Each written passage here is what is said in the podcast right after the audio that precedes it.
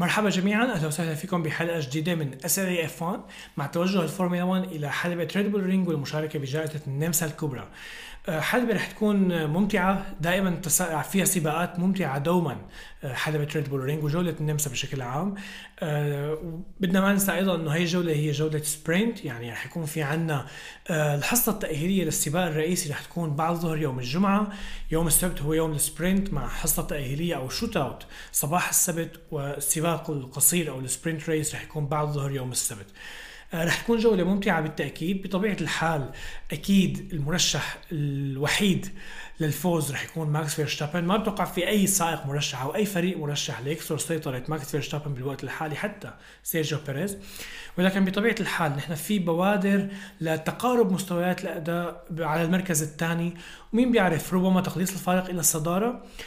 ما بنعرف إيمت رح يبلش تأثر ريد بول بالقيود التطويرية، نحن بنعرف فريق ريد بول تجاوز قيود الميزانية بموسم 2021 وبالتالي حصل على عقوبة آه، قيود تطويرية إضافية لتطوير السيارة بموسم 2023 واضح إنه هو ما تأثر فيها لحد هلأ ولكن ما بنعرف يعني عم نشوف من بضعة جولات تحديثات جذرية للعديد من فرق الفورمولا 1 مثل مرسيدس، فيراري، أستون مارتن. ما عم نشوف تحديثات جذرية من ريد بول وإنما فقط تعديلات بسيطة.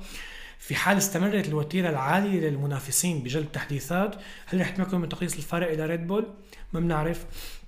ما بنعرف إذا رح يكون هذا الشيء كافي لكسر سيطرة ماكس فيرستابن على موسم 2023 ولكن آه، شفنا آه، تحسن ملحوظ بمستوى أداء فريق مرسيدس خاصة بجولة كندا وبالجوله السابقة. شفنا أيضا تحسن أداء أستون مارتن. نرجع بنقول هن ما عم يقتربوا من ريد بول بقدر ما إنه فقط عم تزداد المعركة على المركز الثاني. شفنا تألق فريق فيراري بسباق آه، كندا فقط يوم السباق. كان في عندهم بعض المشاكل بالحصة التأهيلية. ولكن بدنا ما ننسى فريق فيراري العام الماضي كان الأفضل بفارق مريح بحلبة ريد بول رينج شارل لوكلير تمكن من تجاوز ماكس فيرستابن ثلاث مرات خلال سباق واحد واتبع استراتيجية مختلفة وأنجح هي الاستراتيجية ليتمكن من الفوز بالسباق. بالمناسبة هو آخر فوز لشارل كلير حتى الآن. آه، هل رح يتمكن من تغيير هذا الشيء نهاية الأسبوع الحالي؟ ما حدا بيعرف.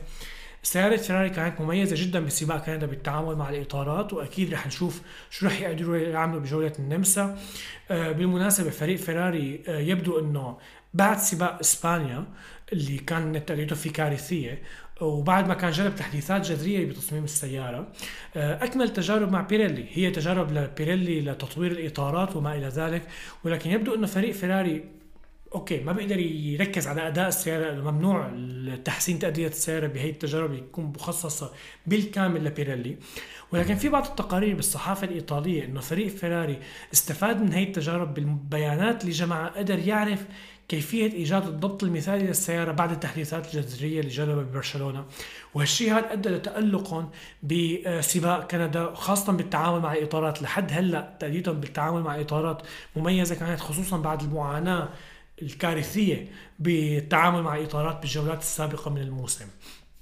وبالتالي بننتظر رح نشوف حتى نشوف شو رح يعمل فريق فيراري بحلبة ريد بول رينج آه أيضا في بعض التقارير إنه فريق فيراري آه عم يبذل جهود كتير كبيرة لحتى يجيب آه أرضية جديدة آه بجولة آه النمسا أيضا فريق مرسيدس بنعرف في عنده تحديثات جذرية في الأسبوع التالي بسيلفرستون كل هاي العوامل على أمل بنرجع بنقول الأمل هو تقليص الفارق لريد بول ولكن بالوقت الحالي واقعيا هذا الشيء هي التحديثات هي فقط لزيادة حدة المنافسة على المركز الثاني بترتيب بطولة العالم للصانعين.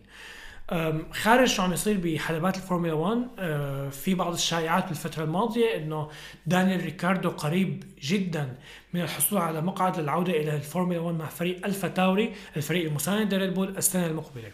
هالشيء هذا بسبب معاناة نيك دي فريز بشكل كثير كبير من جهة ومن جهة ثانية إنه فريق ريد بول ما بده يفرط بدانيال ريكاردو وهن لحد هلأ عندهم ثقة بقدرات هذا السائق. هلأ باسلوب باسلوب مماثل اللي صار مع فريق فيراري بعد جولة برشلونة من تجارب الإطارات. فريق ريد بول أيضا رح يكمل تجارب إطارات بعد جولة سيلفرستون وبالتالي بعد حوالي أسبوعين من اليوم. آه هاي التجارب رح تكون أساسية لأنه ريكاردو هو اللي رح يقود سيارة ريد بول الحديثة سيارات الموسم الحالي. فريق ريد بول رح يستغل هاي التجارب لتقييم أداء داني ريكاردو وتقييم سرعته بحال كان آه جيد وبحال كانت نتائجه مشجعة.